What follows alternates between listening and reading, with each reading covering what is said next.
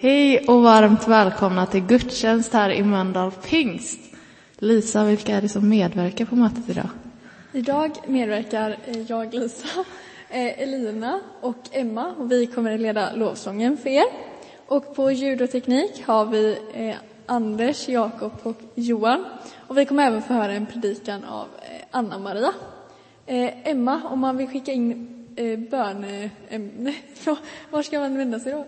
Yes, då ska man skicka in till b.mondal.pings.se eh, och eh, nu ska vi be. Så ska ni be.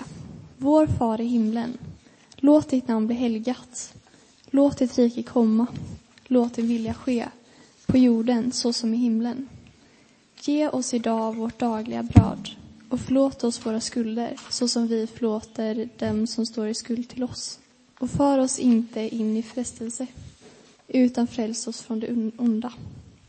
För riket är ditt och makten och äran i evighet. Amen. Tack så mycket. Emma, Elina och Lisa. Jag är den du säger att jag är. Jag är inte övergiven. Jag är utvald.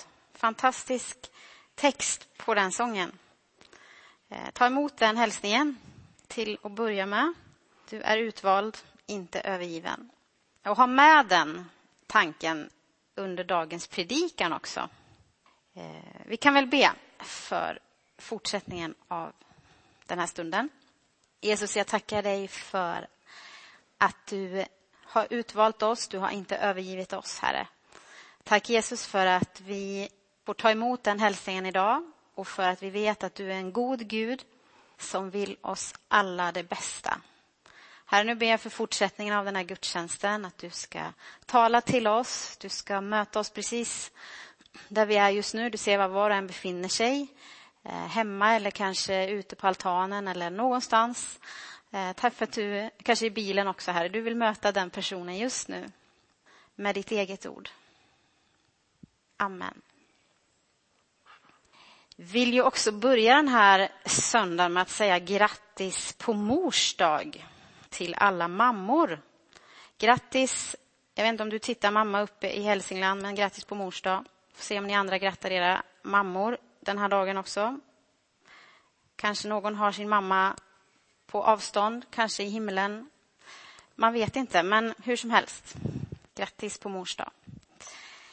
Eh, jag kommer ta mig an en rad idag av det som Emma läste i inledningen som är alltså vår sjunde predikan i ämnet Herrens bön.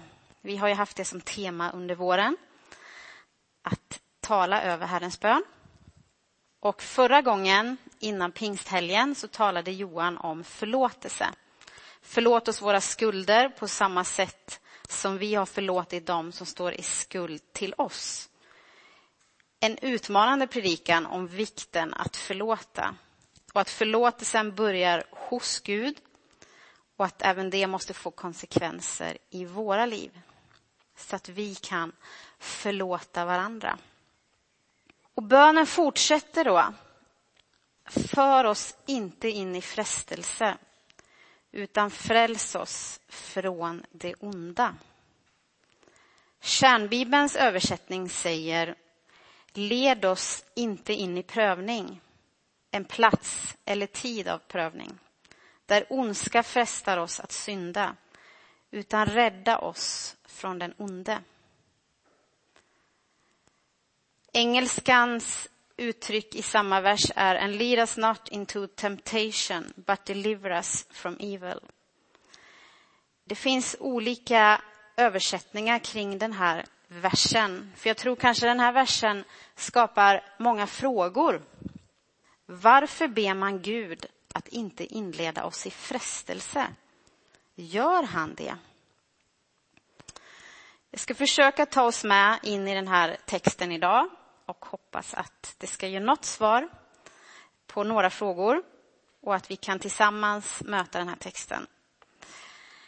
Det spontana svaret är ju nej. Jakobs brev 1, 13-14 säger nämligen ingen som blir frestad ska säga Det är Gud som frestar mig. Gud frestas inte av det onda och frestar inte heller någon. Var och en som frestas dras och lockas av sitt eget begär. Man ska komma ihåg det att bli frestad är inte en synd i sig. Jesus han blev också frestad, men han syndade inte. Det är när vi faller för frestelsen som det blir synd. Och som vi har gjort tidigare när vi går in i de här texterna, det är att försöka ta er med till grundtexten. Och det grekiska ordet för frestelse har två grundläggande betydelser. I den ena betydelsen så kan det översättas och ofta översätts eh, med ord som prövning eller test. Och då hänvisar det till ett fall eller en situation där man prövas, där Gud prövar för att du och jag ska växa i vår tro och i vår eh, förtröstan på honom. Den andra betydelsen hänvisar till frestelse som betyder att förföra eller locka eller be om att göra det onda. Så man ser här att den, det här ordet kan ha två olika betydelser. Men det första ordet prövning, det står i en kommentar att det är det ord som är dominerande i Nya testamentets språk och som även gäller här i Matteus 6. Utsätt oss inte för prövning. Och vi läser i Jakobs brev igen. Från vers, eh, kapitel 1, vers 2 så står det Räkna det som ren glädje, mina bröder, när ni råkar ut för alla slags prövningar. Ni vet ju att när er tro prövas ger det uthållighet. Och låt uthålligheten leda till fullnad gärning så att ni är fullkomliga och hela utan brist på något sätt. Hoppar vi sedan till vers 12 så läser vi Salig är den som håller ut i prövningen.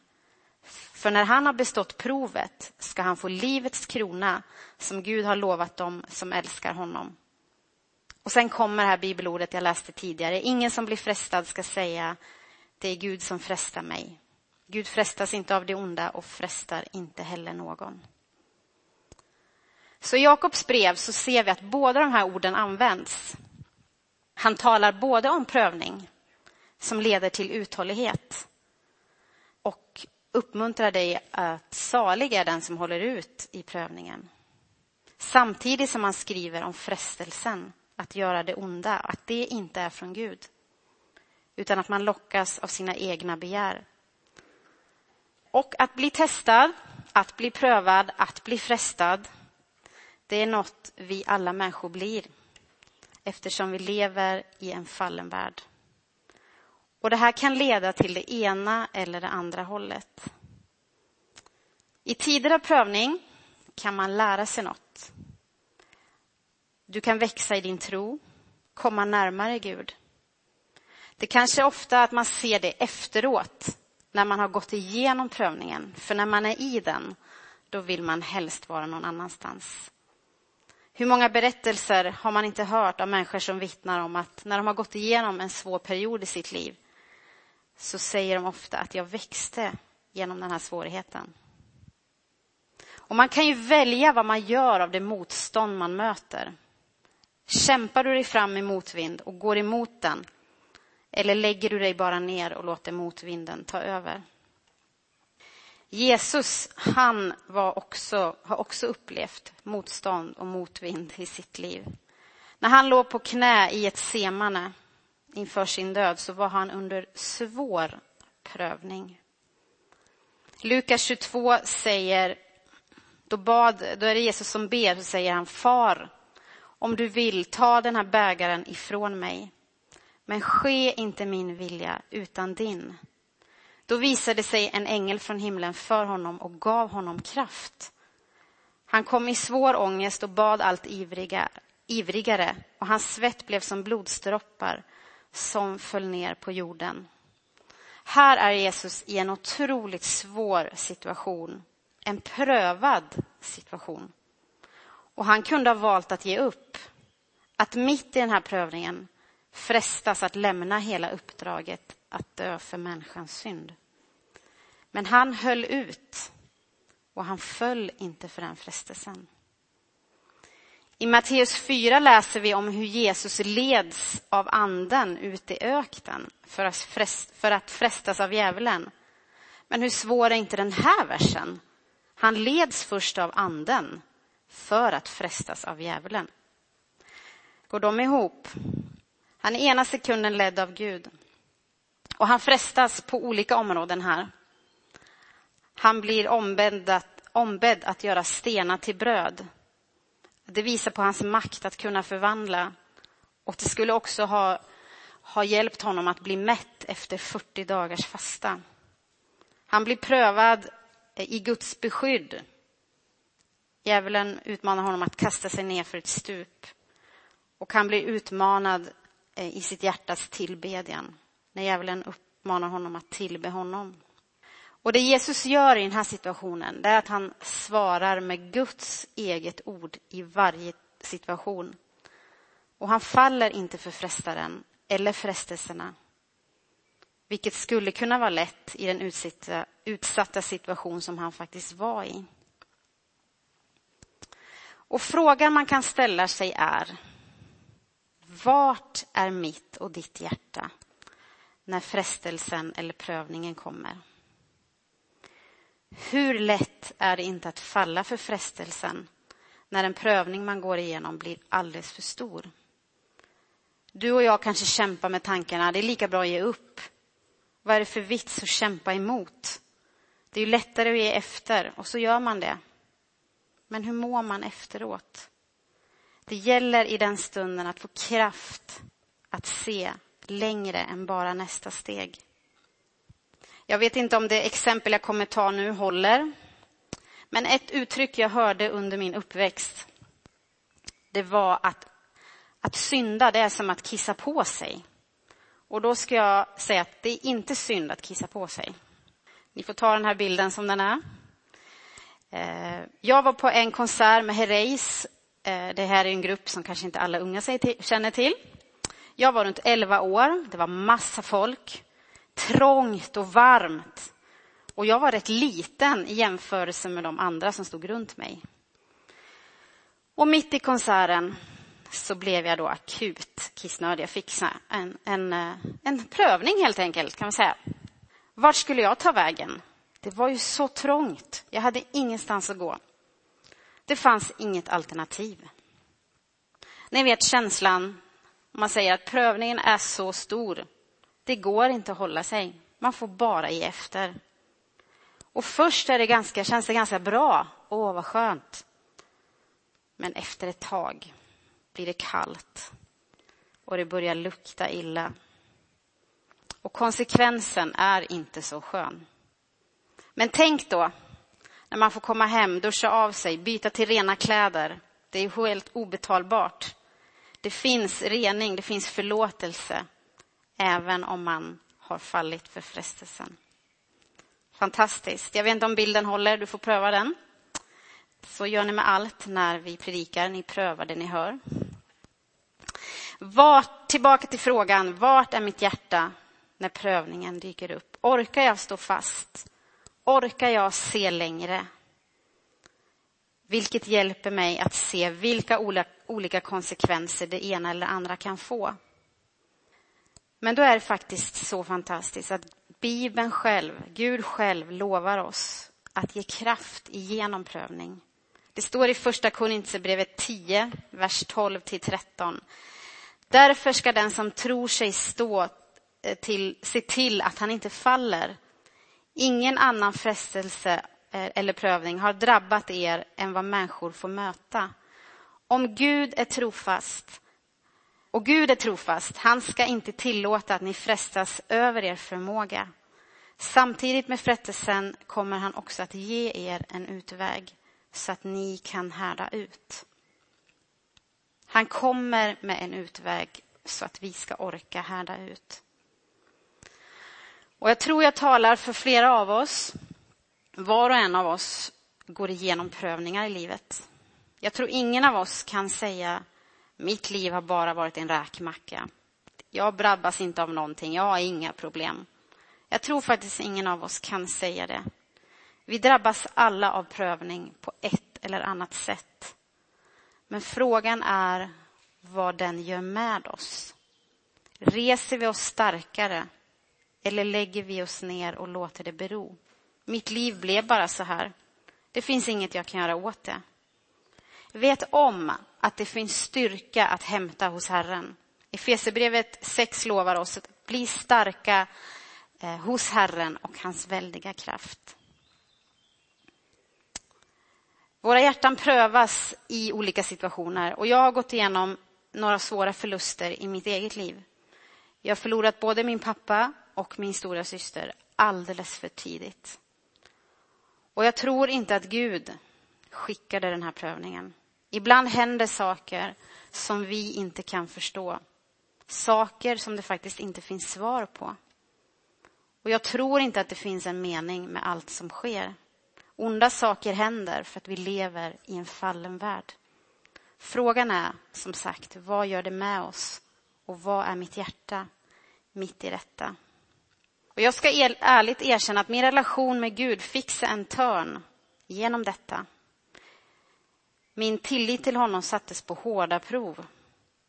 Men jag var ärlig mot honom hela tiden. Jag skrek och gormade när jag behövde det. Jag grät när jag behövde det. Jag ställde tusen frågor. Fanns frestelsen att lämna Gud mitt i detta?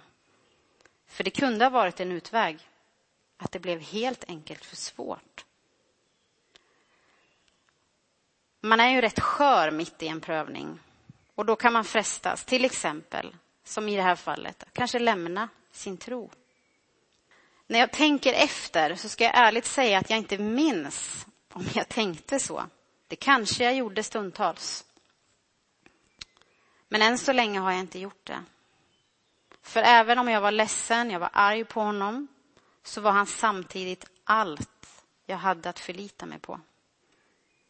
I min sorg och i min egen svaghet var han trots allt min starkhet. Och jag vet inte hur det är för dig eller för mig, eller eh, hur det har varit för dig eller hur det är för dig. Jag hoppas och ber att du orkar hålla fast och att du mitt i prövningen känner att han håller dig fast. En man som var ett tydligt exempel på att stå fast i prövning och frestelse, det var Abraham. Gud ville pröva Abrahams hjärta. Och Abraham blev uppmanad att offra sin son Isak, en son han hade oerhört kär. Och Abraham var beredd att gå hela vägen tills Gud stoppade honom. Frestelsen i det här kunde ha varit att nu tar jag Isak och så springer vi iväg. Bort från offeraltaret. Men han gjorde inte det. Han stod fast och han fick behålla sin son samtidigt som relationen och närheten till Gud också blev starkare. Men hur ska vi förstå den här bönen? Går den att förstå? En kommentar säger så här, ett centralt uttalande för att förstå den här delen av Herrens bön är att vad Gud ger oss som prövning eller test används nästan alltid av djävulen som en frestelse. Samma händelse kan, både, kan vara både en prövning och ett test för dig och också en frestelse från djävulen. Eller om du vill, Gud, Gud använder det för att åstadkomma någonting som ska få dig att växa i ditt liv. Samtidigt som den onde arbetar för att du ska falla. Gud han tillåter ibland prövningar för ett positivt syfte. Men det gör inte den onde. Men hur vet jag då att prövningen jag genomgår är något som kommer leda mig närmare Gud? Kanske när man är mitt i det så ser man inte det. Men man kanske ser det efteråt. Vad är frukten? Hur är känslan efter att du har kommit ur det? Är du starkare? Eller lever du med fördömelse? Oavsett hur du känner så är Gud den han är. Och han vill ge dig ny kraft och han vill förlåta där du har fallit. Men hur står jag då emot frestelser som kommer? I en predikan jag lyssnade på inför den här dagen så skickade predikanten med fyra ord. Fyra ord. Och predikan var på engelska, så jag använde de fyra orden. Det första ordet var fight, kämpa. Första Timoteusbrevet 6 och 12 säger kämpa trons goda kamp. Jakobsbrev 4 och 7 säger underordna er därför Gud. Stå emot djävulen så ska han fly från er. Eh, lyd Gud, håll dig nära Gud. Och det kommer till nästa ord som är follow, att följa. Återigen Jakobs brev 4.8 säger närma er Gud så ska han närma sig er. Håll dig nära Gud och följ honom. Första Petrus 2.21 säger till detta är ni kallade. Kristus led i ert ställe och efterlämnade ett exempel åt er för att ni ska följa i hans fotspår. Följa, kämpa, följa, fly är tredje ordet. Att fly. Första Korinthierbrevet 10 och 14 säger därför mina älskade, fly avgudadyrkan. Andra Timoteus 2.22 säger fly ungdomens onda begär och sträva efter rättfärdighet. Tro, kärlek och frid tillsammans med dem som åkallar Herren av rent hjärta. Fly bort ifrån det som drar dig bort ifrån Gud. Och det sista ordet är feed. Mata dig med Guds ord. Psalm 119 och 11 säger, jag gömmer ditt ord i mitt hjärta för att jag inte ska synda mot dig. Fight, follow, flee, feed. Ta med dig de orden idag. Den här bönen, slutligen, är också ett bön om beskydd. Att när vi hamnar i prövning och svåra situationer, be Gud om att beskydda dig från att falla. Och när vi faller vet vi att det alltid finns förlåtelse att få. Det finns vatten att bli ren av, rena kläder att ta på sig. Var är du just nu i ditt liv? Lever livet eller är livet tufft mot dig? Går du igenom prövning på något sätt? Vi står tillsammans och vi ber för dig. Vi ber att du ska orka igenom och ber att du ska få komma starkare ut på andra sidan. Och vi ber om beskydd för, att, för dig att inte falla. Så ta med de här orden fly, feed, follow, fight. Håll dig borta från sånt du vet dra ner dig. Och det är lättare sagt än gjort kanske, men be om kraft att orka. Och faller du som vi alla gör ibland så finns det en utväg. Det finns förlåtelse att få. Amen. Jesus, så tackar vi dig för ditt ord. Tack Herre för att du vill eh, tala till oss idag om hur vi kan bemöta det här ordet Jesus. Herre, vi vet att vi många gånger går igenom prövning i våra liv, men tack för att du vill ge oss kraft mitt i prövningen. Du vill ge oss styrka att hålla ut och du vill beskydda oss från att falla. Och idag ber jag för den som, som brottas med prövning på olika sätt. Tack för att du vill möta den personen just nu och jag ber om kraft att orka den här situationen som den personen eh, står i just nu, Herre. Och du ser också att det är lätt att mitt i prövningen känna att nu ger jag upp. Men jag ber dig, Herre, om att den personen inte ska ge upp utan hålla fast vid dig, hålla fast vid ditt ord. Ja, Herre, och att veta att du håller fast också. Tack Jesus för att du är en god far och att du bryr dig om dina barn, Herre. Amen.